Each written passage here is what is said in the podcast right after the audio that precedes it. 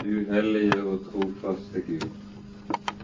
Vi takker deg for at vi skal få lov til å komme til deg og påkalle deg som far.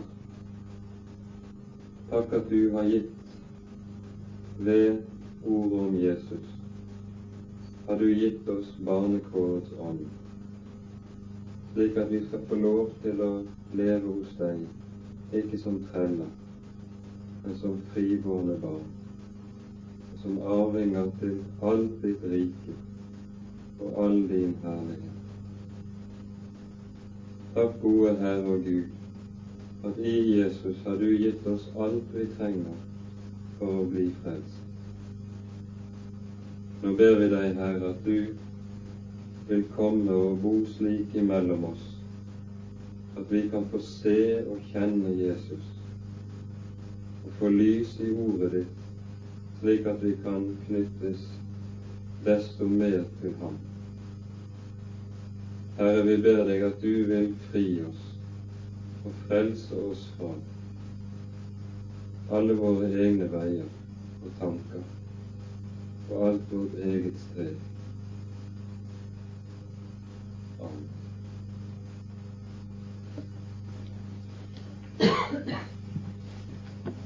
Da tror jeg vi leser sammen avsnittet fra vers 12 av og utover i det tolvte kapittelet. For like som legemet er ett og har mange lemmer, men alle legemets lemmer, om de enn er mange, dog er ett legeme, således er det også med Kristus.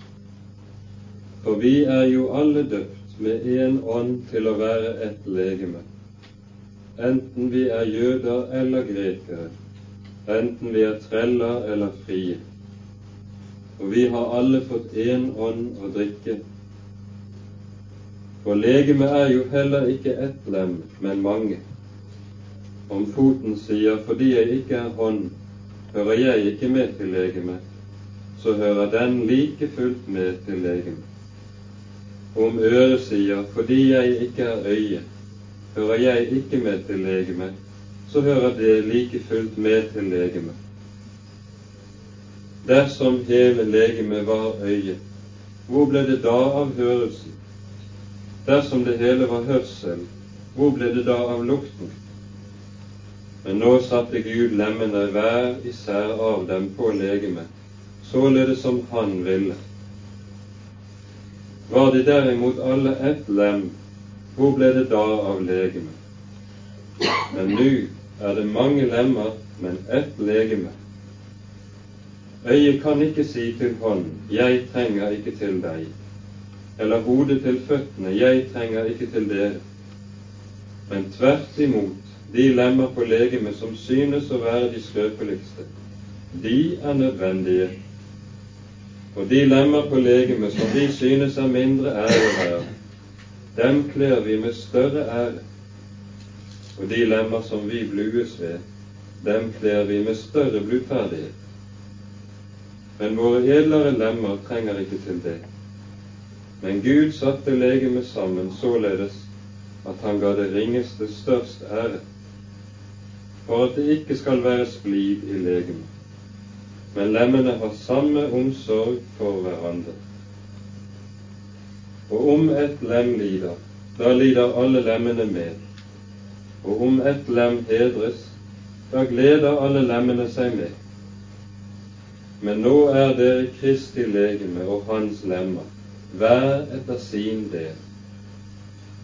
Og Gud satte i menigheten først noen til apostler, for det annet profeter, for det tredje lærere, så kraftige gjerninger, så nådegave til å helbrede, til å hjelpe, til å styre, og forskjellige slags tunger. Er vel alle apostler, er vel alle profeter, er vel alle lærere, gjør vel alle kraftige gjerninger, har vel alle nådegaver til å helbrede, taler vel alle med tunger, kan vel alle tyde dem, men strev etter de største nådegaver. og jeg vil vise dere en enda bedre vei.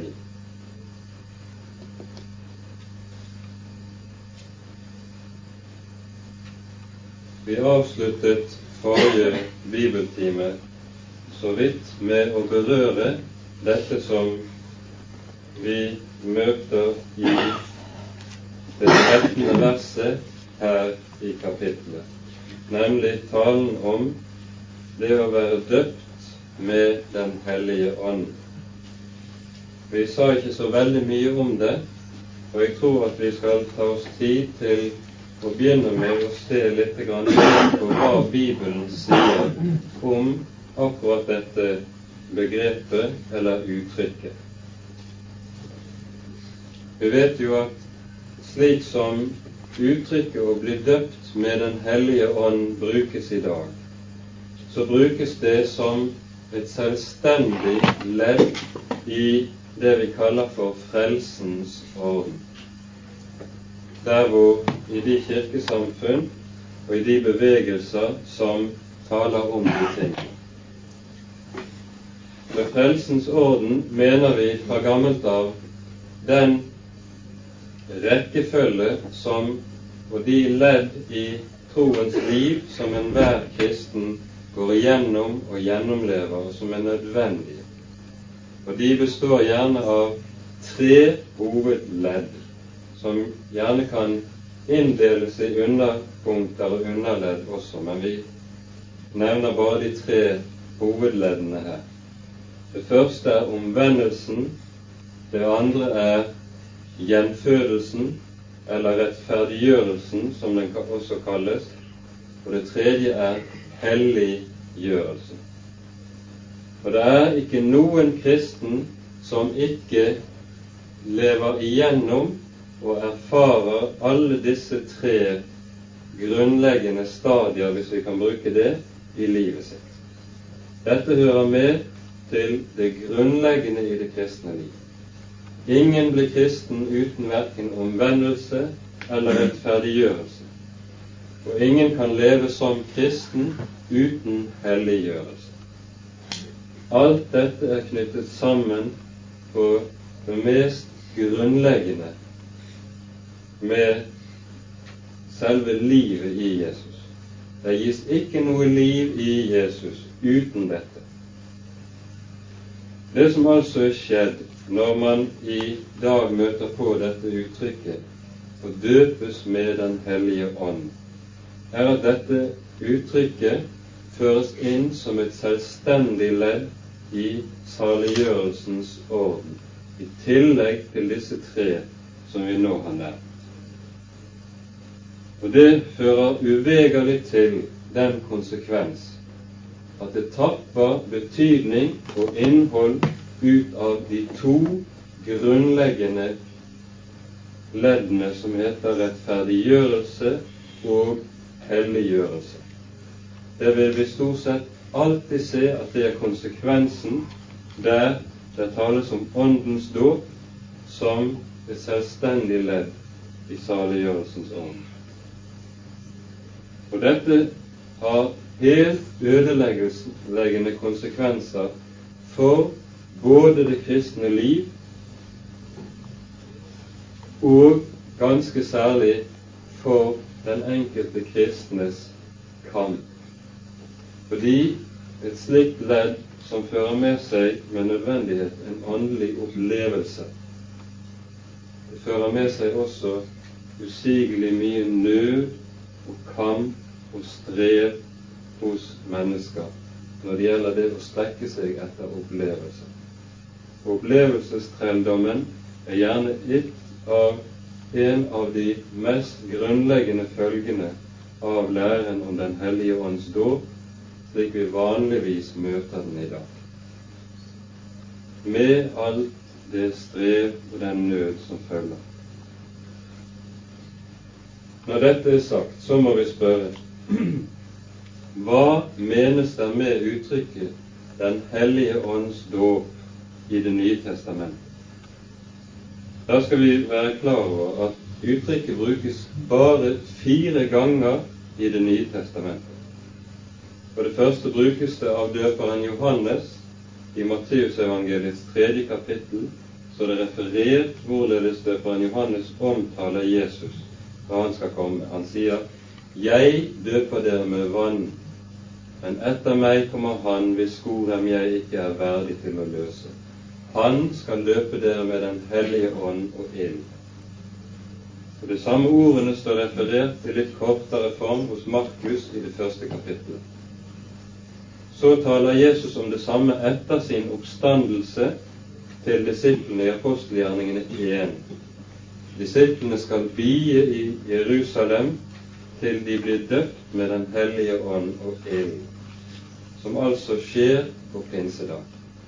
Og vi ser at alle de tre uttrykkene som vi møter i apostelgjerningene og i døperen Johannes' munn, sikter til underet som skjedde på pinsedag. Der er det tale om Den hellige ånds dåp, hvor Den hellige ånd utgytes over all kjød som en frukt og som en følge av Jesu fullbrakte frelsesverk. Når det tales som det fjerde stedet i Det nye testamentet om å døpes med én ånd, med Den hellige ånd altså, sånn som det gjør her, så siktes det til det samme. Det at alle kristne har fått del i den åndsmeddelelse som ble gitt første gang på pinsedag til all kjød. Derfor kan talen om Den hellige ånds dåp ikke med Det nye testamentet i hånd brukes til å inndele de kristne i to klasser slik at det er én gruppe kristne som har Den hellige ånds dåp, og en annen gruppe kristne som ikke har det. Og Her ser vi av det verset som vi leste her, at her sies det om alle kristne uten forskjell at de er døpt med Den hellige ånd. Det er ikke et A-lag og et B-lag. Og vi skal merke oss vel at dette er noe også apostelen sier til nettopp de kristne i Korint, som levet i det vi må kalle for den største åndelige forvirring og rot.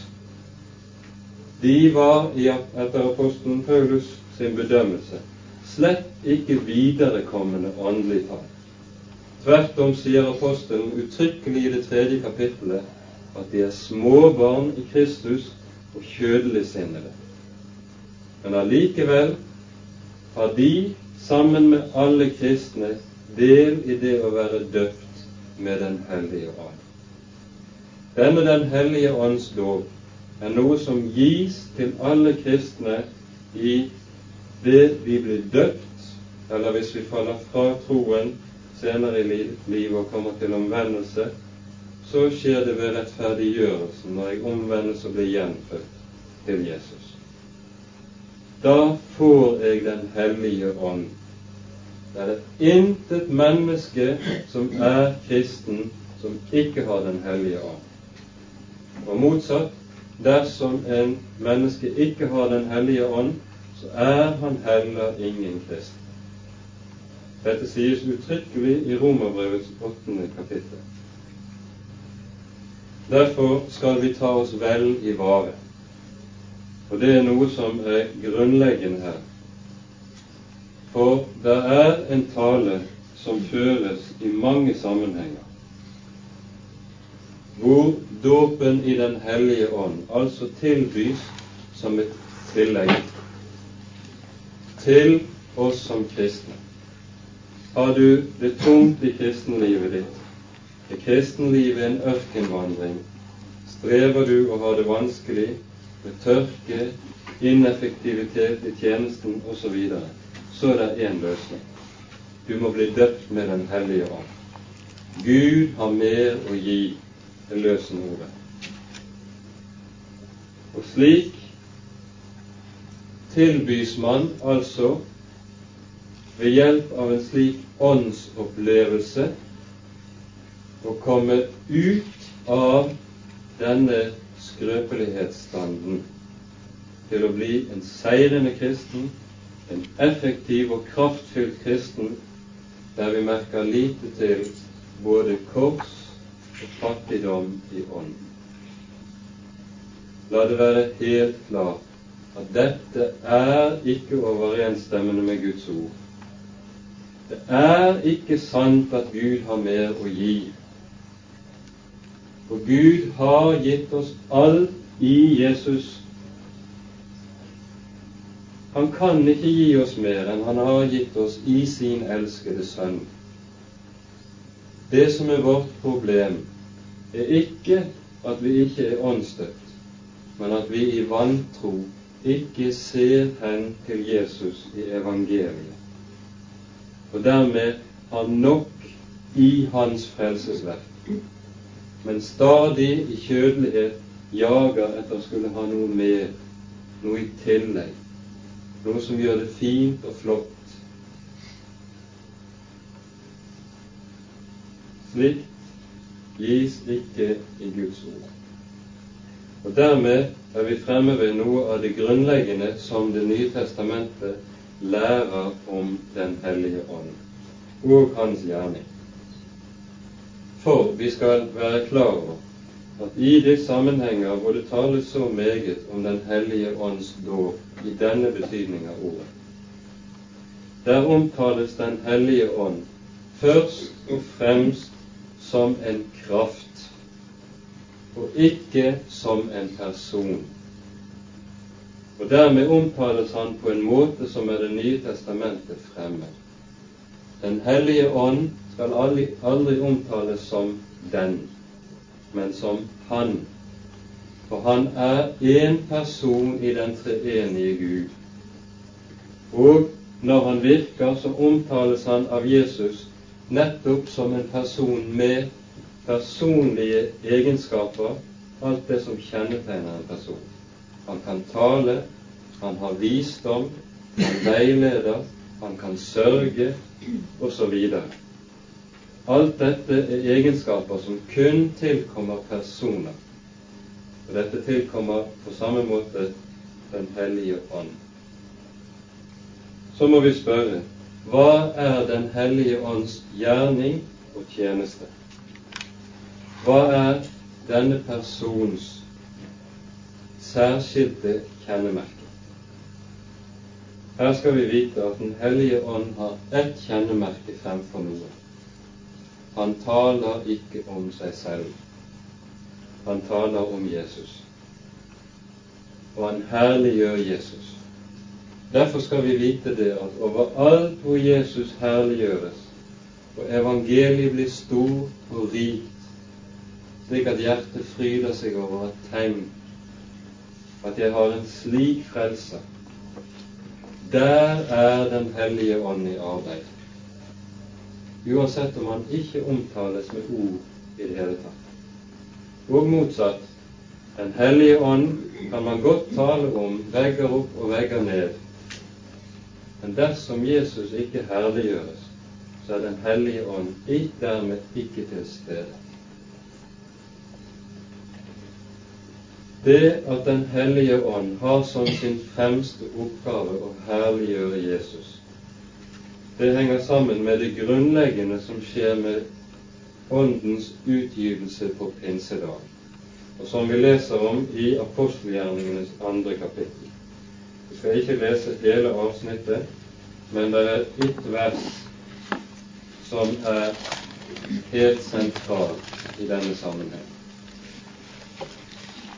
Det er det vers 33 i apostelgjerningenes andre kapittel.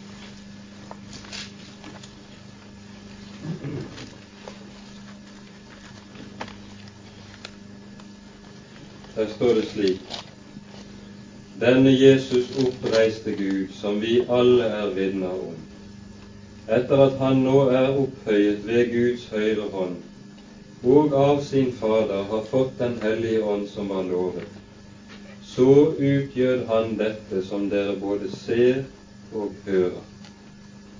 Her ser vi at apostelen holder frem det som er en frelseshistorisk kjensgjerning. Når og i og med at Sønnen er opphøyet, da utgytes Den hellige ånd over alt kjød. Og dette foregår og forekommer også som en regel i alt trosliv hos kristne. Der Jesus blir opphøyet, der er Ånden i arbeid og i virksomhet. Dette er noe som vi også ser gitt til kjenne for oss i Galaterbrevet i det tredje kapittelet.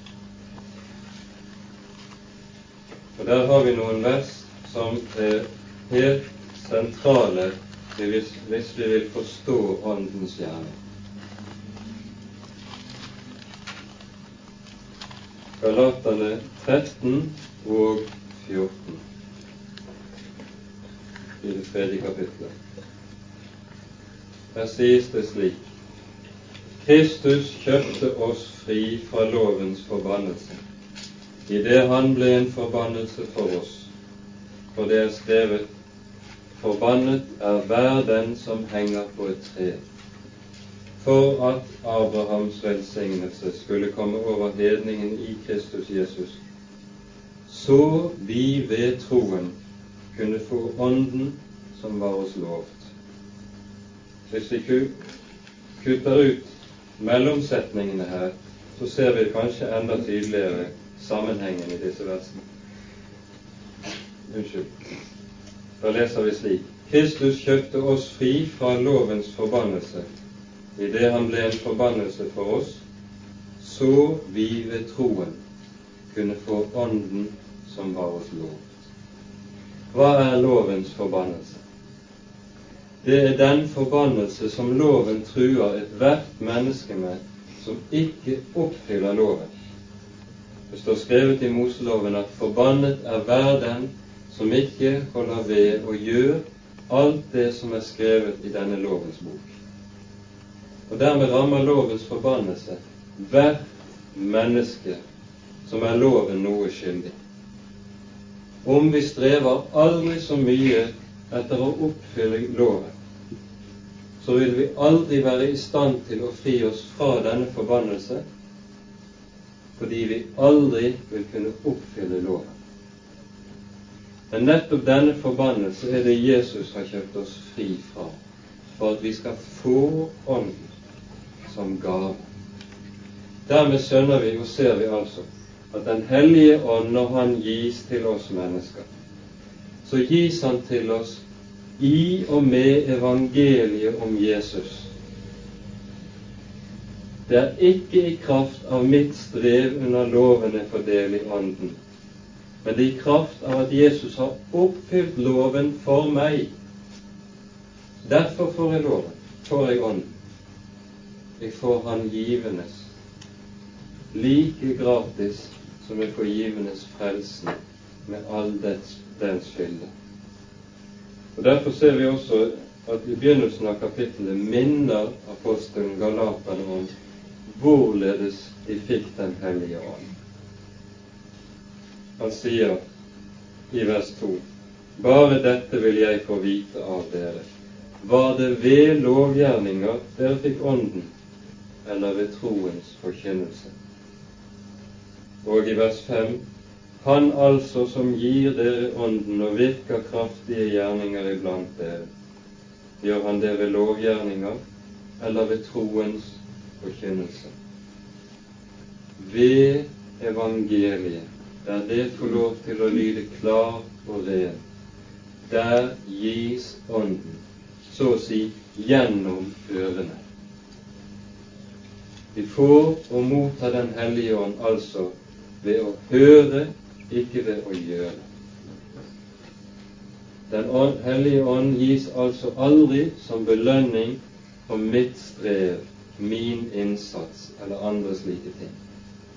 Men det gis oss som lønn for Kristi arbeid på våre vegne.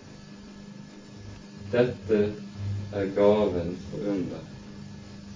Og slik er det på de premissene at alle Guds barn skal få lov til å eie Den hellige ånd. Og da skal vi merke oss at et av Den hellige ånds viktigste og fremste navn i Bibelen, hva er det? Det er barnekårets ånd, som står i Romerne 8,15. Dere har ikke fått trelldommens ånd, så dere skulle frykte. Men dere har fått barnekårets ånd, ved hvilken vi roper Abba, Far. Barnekårets ånd, det er Den hellige ånd. Som et trygt Guds barn kan få lov til å eie og rope til Herren som Far, fordi han vet all synd er meg tilgitt. Det står ingenting mellom Gud og meg lenger, fordi Jesus har gått i mitt sted. Og jeg skal ikke behøve å tenke, fordi om det fortsatt er synd i livet mitt, så skal Herren bli trett av meg, eller forkaste meg, eller bli mer sint på meg. Nei, Hans nåde står fast, og Hans hellige ånd gis like fast på grunnlag av hva Jesus gjorde på korset.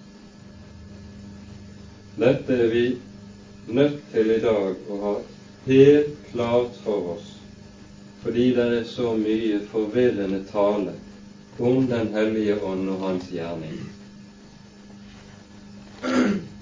Så her skal vi altså få vite at budskapet om Den hellige ånd det er en del av evangeliet.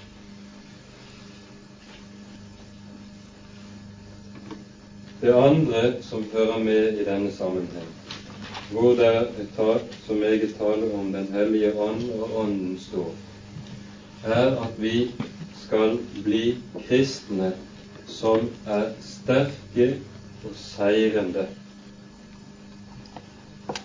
Vi skal ikke si så mye om dette i denne sammenhengen, men vi skjønner at, og ser det også, at talen om det å være fattig i ånden, og salig fordi man er det, den talen forsvinner i de sammenhengene hvor det forkynnes slik om Den hellige ånd. Men det er jo nettopp det som kjennetegner Den hellige ånd i hans gjerning. At han er bundet til korset, til Jesu kors. Og på samme vis som han utgis hyret over oss fordi Jesus ble opphøyet på korset, så får han gjøre sin gjerning i våre liv gjennom at Herren legger korset på oss, slik at vi får del i Kristi lidelser og del i samme skrøpelighet som den Herre Kristus hadde. Dermed så gjelder hvetekornets lov også inn i denne sammenheng. Dersom ikke hvetekornet faller i jorden og dør, blir det bare det ene korn. Men dersom det dør, bærer det megen frukt. Og det er også nøkkelen til å forstå talen om frukt og nådegaver her i denne sammenheng i Korinterbrevets tolvte kapittel. Det er ingen apostel som har hatt flere nådegaver, større utrustning og mer kraft enn apostelen Paulus hadde. Men det er heller ikke noen apostel som hadde så megen lidelse, så meget skrøpelighet og så tungt kors å bære som just han. Slik at han klart og tydelig gir til kjenne og sier Guds kraft fullendes i skrøpelighet. For det er fordi han var i skrøpelighet blant korinterne, hjelpeløs og fattig i seg selv. Derfor virket Guds ånd med kraft gjennom ham, fordi han ingenting var i seg selv. Dermed er altså talen om Den hellige ånds dåp som er nærmest et tilbud om å få slippe korset. En snarvei tilbud om å finne en snarvei åndelig talt til seier og alle mulige andre slike ting. Det er noe som ikke stemmer overens med Guds ord. Og vi skal la være å høre på det når det lyder. Så kan vi altså få lov til å si at vi har alle fått én ånd å drikke. Og med det viser apostelen tilbake til det som Jesus, Jesus lover i Johannesevangeliets syvende kapittel, der han sier slik Om noen tørster, han komme til meg og drikke. Av hans liv skal det, som Skriften sier, renne strømmer av levende vann. Fra dens liv som tørster etter Jesus. Der ligger kilden. Og På denne bakgrunn går så apostelen over til å tale om legeme og lemmene. Og her skal vi ha klart for oss at når Det nye testamentet taler om legeme og lemmene, så taler det dermed om det kristne fellesskap og om Guds vilje for hvordan vi som kristne skal leve sammen i fellesskapet. Og Vi skal også være klar over at når Det nye testamentet bruker ordet oppbyggelse, så brukes dette ordet ikke som et privat begrep, at jeg kan føle meg oppbygget rent subjektivt. Men det er et ord som brukes om menigheten og dens fellesskap. Ordet finner vi i 1. Peters brevs andre kapittel, der det står slik Kom til ham, den levende sten, som vel ble forkastet av mennesker, men er kostbar, kostelig og dyrebar for Gud. Og bli også dere oppbygget som levende stener. Altså, det å oppbygges i nytestamentlig forstand det er noe Gud gjør med oss som kristne ved at vi sammen sa Jesus og oppbygges med ham. Sammen knyttes sammen fordi vi knyttes til Jesus.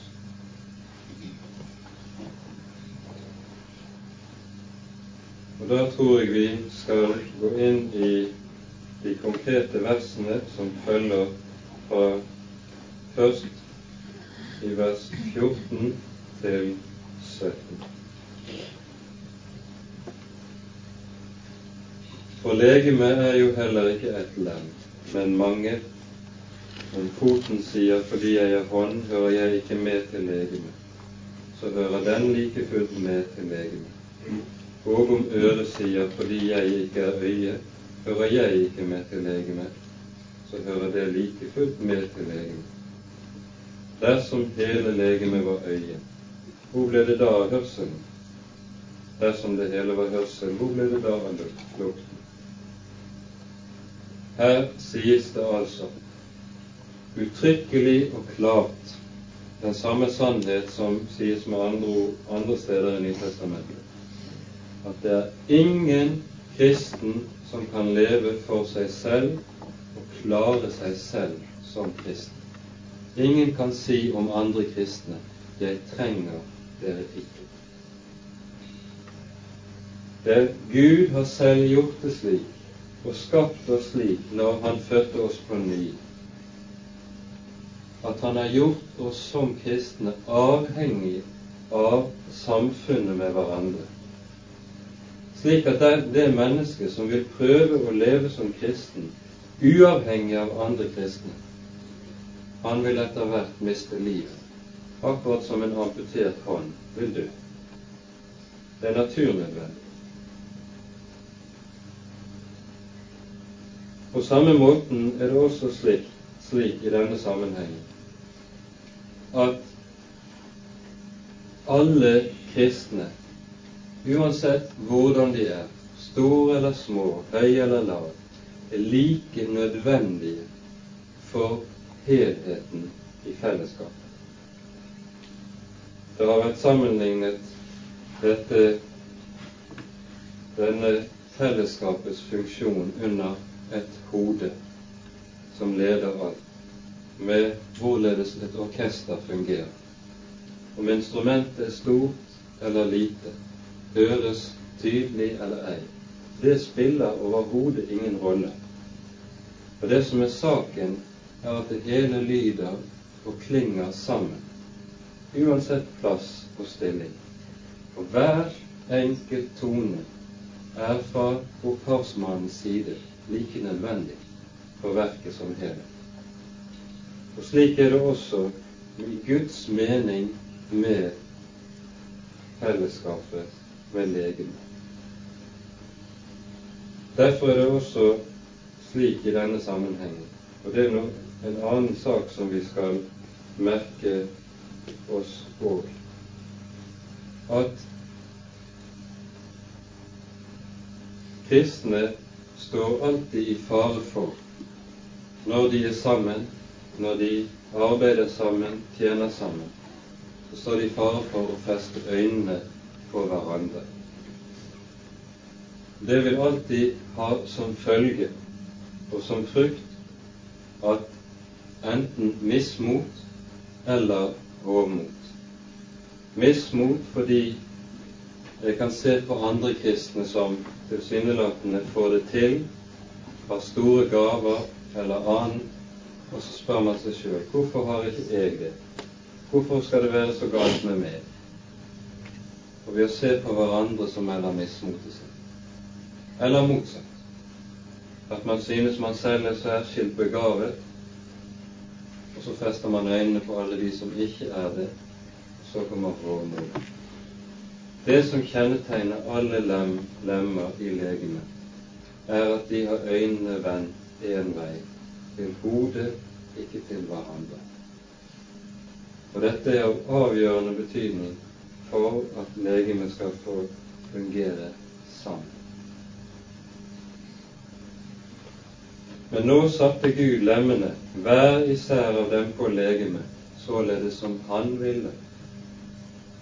Og dermed sies det klart og tydelig at slik som legemet skal virke og fellesskapet skal fungere, så skal det fungere på Guds premisser ikke på våre premisser. Det er intet menneske som kan si 'Hvorfor har ikke Gud satt meg til det?' Eller 'Hvorfor har ikke Gud gjort meg til det?' For det er ingen nådegave, ingen tjeneste, intet embete i dette riket som ligger der som en menneskerett å inneha. Det er Gud som bestemmer og fordeler alle gaver og alle tjenester etter sitt behag, og han spør intet menneske til råds. Dette skulle også være et ord inn i det som sies senere i kapittel 14 om lærerne, hvem som skal være lærer og ikke være lærer i den kristne menighet. Så minner apostelen om i det neste verset var de derimot alle ett lem. Hvor ble det da av legemet? Dermed sies det at mangfoldet er nødvendig for helheten. Og mangfoldet, det er jo litt av dette mangfoldet apostelen tidligere har prøvd å peke på gjennom å liste opp noen av gavene og tjenestene. Vi nevnte forrige gang at dette er noe som kjennetegner Gud i hans gjerning overalt hvor han er i arbeid. At han har sin glede i å skape mangfold. Ikke i ensretting, ikke i masseprodusert likhet. Det er intet menneske som fra Guds hånd er likt et annet. Og som kristne skal heller ikke vi bli like hverandre, men tvert om det motsatte veien. Blir vi først Guds barn, så får vi vår rette identitet og egenart. Slik blir mangfoldet nettopp til rikdom og berikelse for fellesskapet, i stedet for motsatt, slik som det er i verden, der forskjell, ulikhet menneskene imellom fører til kiv, konkurranse avvind og alt mulig annet slags ondt. Kristi legeme er det motsatte veien.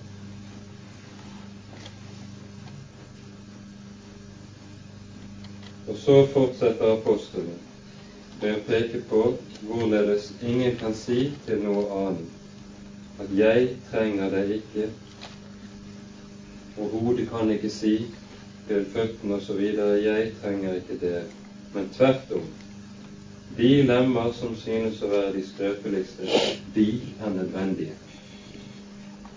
Der er vi fremme ved en annen sannhet som vi gjør, vi gjør vel i å merke oss når dere taler om fellesskap. Sterke kristne som klarer seg selv, det er en selvmotsigelse. Det finnes ikke noe slikt. Jesus har jo nettopp gjort oss avhengig av fellesskap. Og i særdeleshet har han gjort oss avhengig av de skrøpeligste. Og det er noe vi skal merke oss nøye. De skrøpeligste i de kristne fellesskap, de har det med seg at de ser ned på seg selv gjerne. Det følger gjerne med å ha en slik stand. Men det er de som fremfor noen holder liv i Kristi legeme, fordi de nettopp i kraft av sin hjelpeløshet, av det at de er så små, er særskilt avhengige av Jesus. Derfor er det også apostelen sier at de som synes å være de skrøpeligste, de er nødvendige. Det er ikke de sterke, det er ikke de store, det er ikke de som imponerer, som er nødvendige, men det er de skrøpelige. Og Dermed gjør også apostelen alvor av at det kristne fellesskap slett ikke er de vellykkede samfunn, heller ikke vellykkede kristne.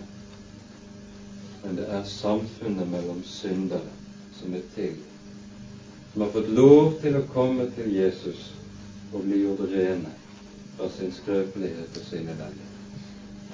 Og igjen er det slik at apostelen nettopp selv er det beste eksempelet på slik skrøpelighet som Kristi menighet er avhengig av. Menigheten i Korint var jo nettopp kommet inn i den grøft og i den ulykke at de ikke ville være slike. Vi leser i det fjerde kapittelet som vi har vært igjennom, fra vers 8 slik Dere er blitt mette. Dere er alt blitt rike. Uten oss er dere blitt herrer. Ja, gi dere var herrer, så vi kunne herske sammen med dere, nemlig i det fullkomne Guds rike. For meg tykkes det at Gud har vist oss apostler frem som de ringeste, som dødsdømte, som et skuespill for verden både for engler og for mennesker. Vi er dårer for Kristi skyld, men dere, dere er kloke. Vi er skrøpelige, men dere er sterke.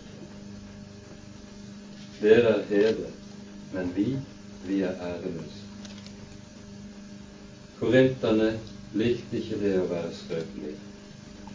Men det er nettopp de som er skrøpelige, som er mest nødvendige for legen. For de er det som bevarer avhengigheten av evangeliet, slik at vi ikke blir mettet, og i mettheten slutter å være avhengig av evangeliet om Jesus. Og Dermed så stadfestes det også i denne sammenheng det som Jesus sier i Matteusevangeliets 11. kapittel, vers 25, der han sier jeg priser deg, Fader, himmelens og jordens skaper, fordi du har skjult dette for de vise og forstandige, men åpenbart den for de umyndige. Det er hemmeligheten, også med hvordan fellesskapet skal leve sammen. Dette kan frelse oss fra fasademakeri. Dette kan frelse oss fra å få det til kristendom. Dette kan frelse oss fra alt dette som fører kristenlivet inn i loviskhetens ramme. Fordi nettopp det å skulle gå rundt sammen med de fine fasader, det er jo nettopp det som har loven som sin kilde. Skal vise hvor godt vi får det til. Lever vi med Jesus i evangeliet, så trenger vi ikke å spille skuespill slik. da skal vi få lov til å være de vi er. Fattige og små, og likevel vite at nettopp slike fattige og små, de er det Herren har tatt seg av. Deres blod er det som er dyrt i hans øyne.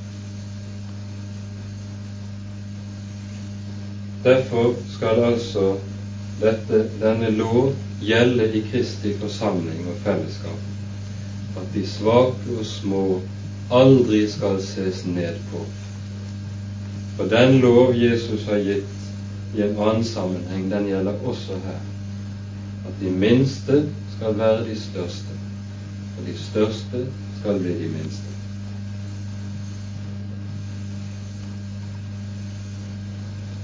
Så fortsetter apostelen i vers 23 å tale om andre lemmer som skal skjules med blyferdighet. Vi skal ikke si så veldig mye om det, men bare peke på den sannhet at det foregår ting i Guds rike som foregår i det stille og det skjulte, som nettopp hører til der, med åndelig bluferdighet. Eksempel når små Guds barn fødes på ny i det stille.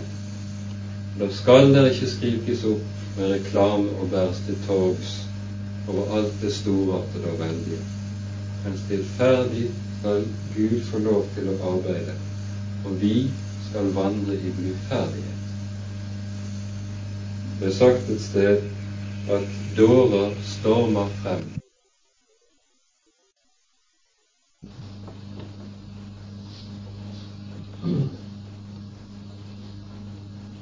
så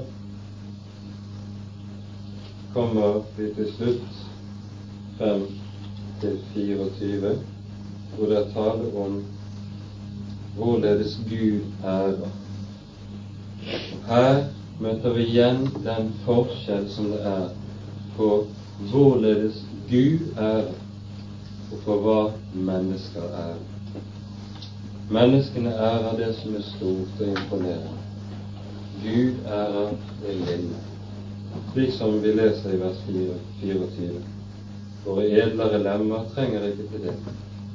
Men Gud satte legemet sammen således at han ga det ringeste størst ære. Det ringeste behøver ikke å søke menneskers ære. For Jesus har selv sagt i Johannes 12 at om noen av min tjener han skal Faderen ære. Og nettopp de som søkte ære hos mennesker, men ikke den ære som kom fra Gud, den fordømmer Jesus uttrykkelig slik at disse er uskikkede til å være Guds tjenere.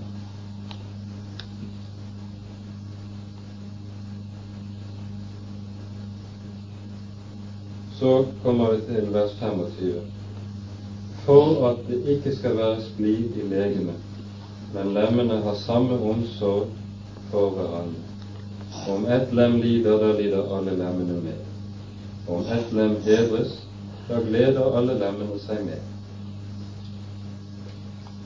Her poengterer i vers 25 apostelen det som er poenget med all tale om fellesskap og om gavene det at gavene, de åndelige gaver, blir ikke gitt den enkelte kristne til hans egen oppbyggelse og åndelige styrkelse, men de er gitt til menigheten.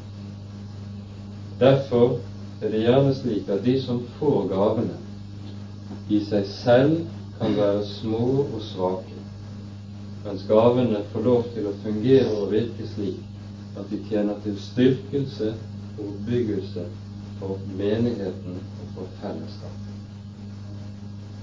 Og Dette lærer oss også noe om det som kanskje er vår nød i dag. Det synes vi ser så lite både av gaver og frukt og slike ting i våre sammenheng. Jeg tror det har en helt bestemt grunn som vi smaker frukten av og følgene av nemlig at det er så støtelig med fellesskap imellom oss.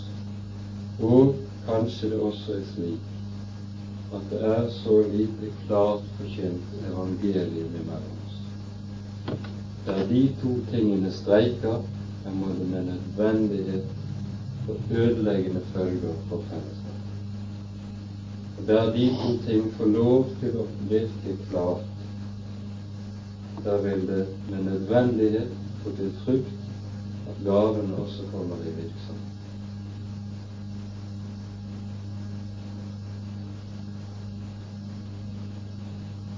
Om ett lem lider, da lider alle lemmene med. Om ett lem bedres, da gleder alle lemmene seg med. Herre, er vi igjen fremme ved noe som apostelen fastslår som en kjensgjerning. Vi har lett for å tenke det slik at dette er noe som subjektivt føles slik. Sånn er det ikke. Tvert om er det slik at når ett lem lider, så blir faktisk hele fellesskapet skadelidende, enten det nå føles eller ei.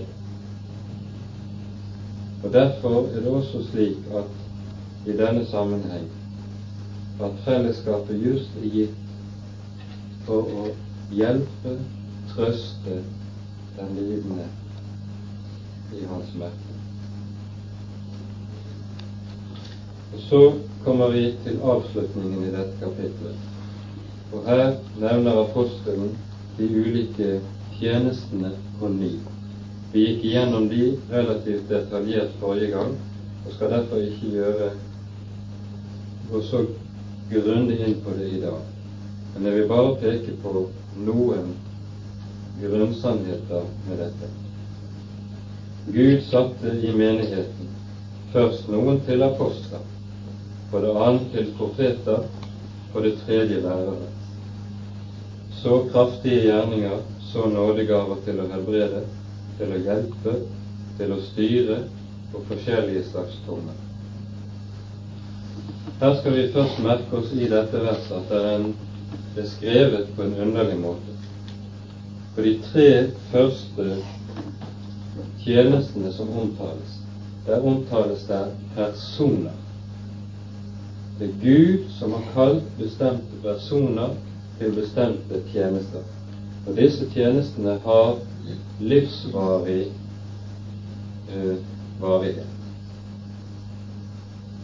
Og det gjelder både aposteltjenesten, profettjenesten og lærertjenesten. Mens vi skal merke oss, når vi kommer til de neste gavene som nevnes og omtales, så omtales ikke personer, men gavene. Og Dermed forstår vi at apostelen mener at gavene ikke gis, disse spesielle nådegaver ikke nødvendigvis gis slik at de skal innehas av én person på livsvarig basis, men at Herren kommer og åpenbarer det når og hvor Han vil, kanskje gjennom en rekke forskjellige personer, slik at ingen kan si at 'jeg har den gaven'. Nå skal vi merke oss altså her at de tre første tjenester som apostelen nevner, det er ikke tilfeldig at disse nevnes først. For her omtales det som er det grunnleggende i den kristne menighet, nemlig ordets tjeneste. Apostlene kommer først. Og det er helt naturlig, for det sies jo også et annet sted i Feserbrevets andre kapittel at hele den kristne menighet er bygget opp på apostlenes og profetenes grunnvoll. Den kristne menighet hviler på deres vitnesbyrd. På den grunnvollen er det Gud selv som har bygget sin kirke, og sagt uttrykkelig at over det som er bygget på den grunnvollen, skal dødsrikets porter ikke få sin makt. Så nevnes det de to andre tjenestene med Guds ord, nemlig profetene og lærerne som altså gir oss to ulike funksjoner av den kristne forkynnelsen, som begge er like nødvendige for den kristne menighet. Læreren har som oppgave å utlegge og opplære menigheten i kunnskap i Guds ord, mens profeten først og fremst har sin oppgave i dette med Guds ords lys å kaste lys innover samvittigheten, så mennesker rammes i samvittigheten, slik som vi talte om forrige gang. For vi trenger begge to like sårt, begge er like nødvendige imellom oss. Da tror jeg vi skal lese noen vers fra Efeserbrevets fjerde kapittel.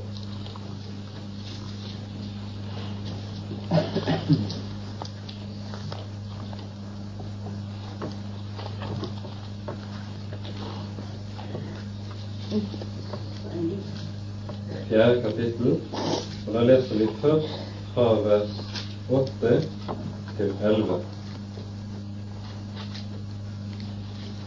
Her skal vi merke på ny den nøye sammenhengen det er mellom talen om Jesu opphøyelse og Åndens utgivelse som gis. Derfor sier Skriften Han, altså Jesus, for opp i det høye og bortførte fanger. Han ga menneskene gaver. Men dette han for opp, var det, det uten at han først for ned til jordens lavere deler. Han som for ned, er den samme som for opp over alle himler for å fylle alt. Her åpenbares Jesus storhet som Gud og som allmaktens herre for oss. Og så sies det hvilke gaver det han gitt. Og Han er det som ga oss noen til apostler, noen til profeter, noen til evangelister, noen til hyrder og lærere, for at de hellige kunne bli fullkommengjort til tjenestegjerning, til Kristi legemes utbyggelse.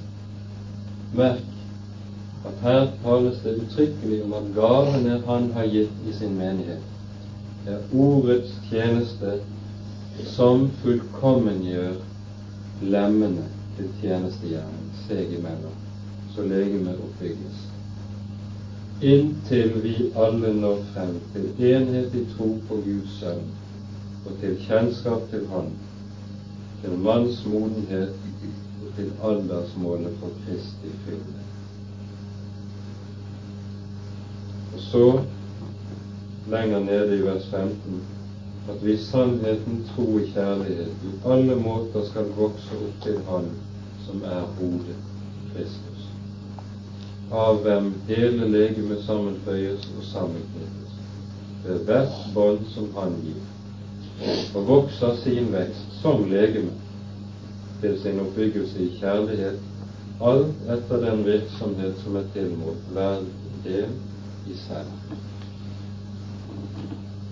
Her sies det altså, pekes det på, hvorledes det går med Kristi legeme dersom Guds ord får lov til å bære sin frukt imellom oss.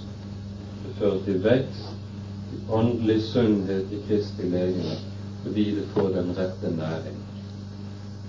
Og vi vet at legemets sunnhet i høy grad er avhengig av ernæring. Og det gjelder også her. Og så fortsetter vi. Han omtaler de andre gjerningene, de kraftige gjerninger, nådegaver til å helbrede. Disse omtalte vi forrige gang. Så kommer det to gaver som ikke blir omtalt i den andre listen. Det er tale om nemlig til å hjelpe og til å styre. Dette er altså gaver i Guds ords lys. Vi synes at dette, det å ha nådegave til å hjelpe, det ser noe smått ut. Kan det være en nådegave?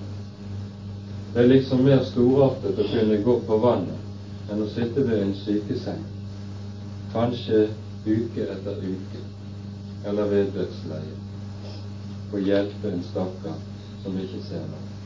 Men her sier Bibelen at det å hjelpe slik, det er like mye en nådegave som er gitt ovenfor.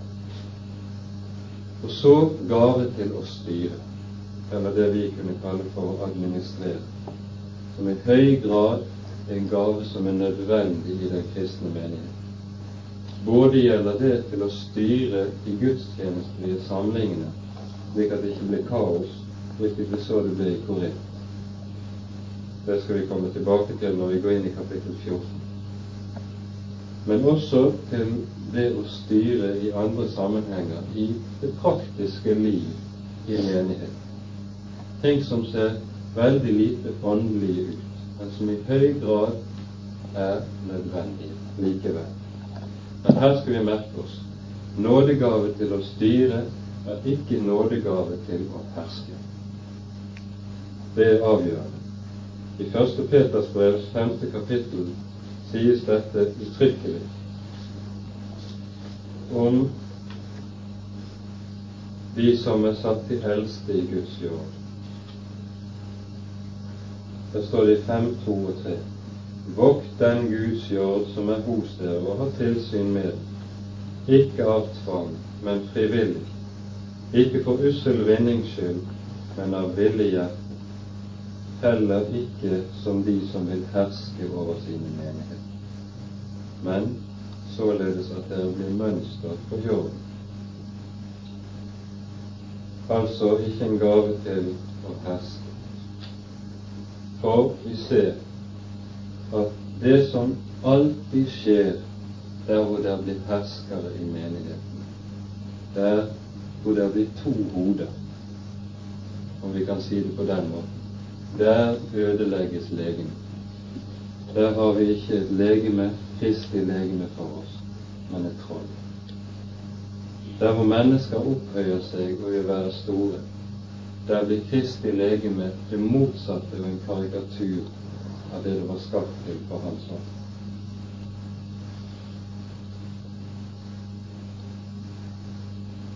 Til sist et lite ord om et bestemt uttrykk i vers 28. Gud satte i menigheten. I noen oversettelser står det i kirken. Det greske ordet som brukes, eklesia, heter det. Det betyr egentlig samfunnet av dem som er kalt ut. Det betyr egentlig utkalt, rett og slett. Kalt ut fra denne verden. Og Når dette ordet brukes i Det nye testamentet, så siktes det i Det nye testamentet aldri til en organisasjon eller en institusjon. For organisasjoner og institusjoner vet vi de har det med seg at der skal det alltid være noen som styrer, råder og bestemmer. Hersker. Slik er kristelig menighet ikke tegnet i Det nye testamentet men tvert om nettopp som en organisme, der det kun er ett hode, Jesus, og hvor alle, også de som er eldste eller lærere i menigheten, på samme måte er tjenere som alle de andre. Det er ingen som er hersker i Kristi menighet. Der hvor det skjedde, ser vi gang på gang i Kirkens historie hvor Den kristne kirke gjøres til noe annet enn dette. Der fører det åndelig død med seg i fotsporene. Den kristne menighet er og skal etter sin natur og sitt vesen være en slik organisme. Og Derfor skal vi vokte oss vel for når vi taler om Kirken Dette ordet klinger jo overalt i dag. Kirken i ordets egentlige forstand er ikke den organisasjon som vi kaller for det. Kirken er samfunnet av de troende som samles om Ordet og om sakramentene. Det er Kirken. Og da skjønner vi at de som det går et skille like gjennom alt det som er den synlige eller ytre kirkeorganisasjon, Kristi menighet, befinner seg innen den, men er slett ikke identisk med. Det skal vi vokte oss vel for å tenke. Er vel alle apostler, er vel alle profeter, er vel alle lærere, gjør vel alle kraftige gjerninger, har vel alle nådegaver til å helbrede, taler vel alle med tunger og kan vel alle tyde. Nei, det skal være det som med et moderne ord heter differensier. Og ingen er slik at han har alle gavene. Får jeg ikke én gave, så får jeg en annen. Det er nå engang slik at Herren har satt oss slik at alle kristne har en nådegave. Men ingen er like. I første Preters brevs fjerde kapittel står det slik. Vi leser i vers 10 ettersom enhver har fått en nådegave, så tjen hverandre med den som gode husholdere over Guds mange åndenåde. Om noen taler, han taler som Guds ord. Om noen tjener i menigheten, han tjener som av den kraft Gud gir, for at Gud må æres i alle ting ved Jesus Kristus, Han som har æren og makten i all evighet. Amen. Her sies det altså uttrykkelig at alle kristne har slik nådegave på en eller annen måte, og de er gitt nettopp til å tjene hverandre. Og Dermed kommer apostelen over til det trettende kapittelet, som er en naturlig overgang, og som vi skal se nærmere på neste gang. Det som kalles kjærlighetens høysang. Men la meg få lov til å avrunde med noen ord fra Lukasevangeliets tiende kapittel, der vi møter Jesu disipler, som har vært utsendt på Jesu ord og med Jesu myndighet og fullmakt til både å helbrede gjøre kraftige gjerninger og drive ut onde ånder. Og så står det om dem i Lukas 10, 17 og utover. De 70 kom glade tilbake etter at de hadde vært omkring og forkynt evangeliet. Og så sa de, Herre, endog de onde ånder er oss lydige i ditt navn.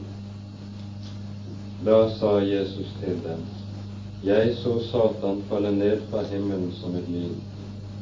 Se, jeg har gitt dere makt til å trede på slanger og skorpioner, over all fiendens velde. Ingenting skal skade dere. Dog, gled dere ikke over dette at åndene er dere lydige, men gled dere over at deres navn er oppskrevet i himmelen. Her sier Jesus at vel er det slik at disse har fått gaver.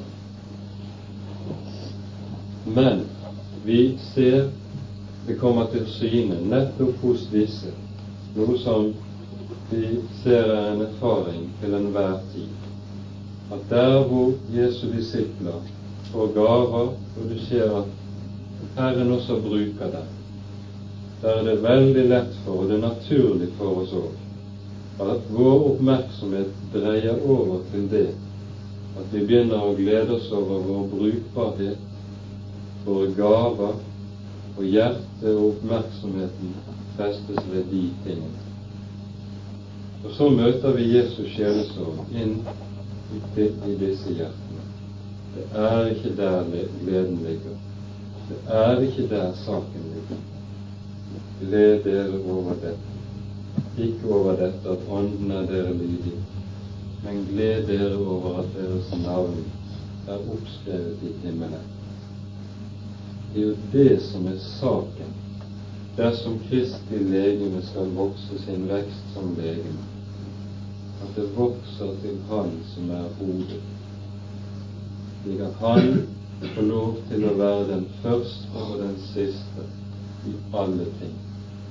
Han som får lov til å være mål og mening i menigheten, og som får lov til å være den eneste sann. Gled dere over det igjen. Der er saken.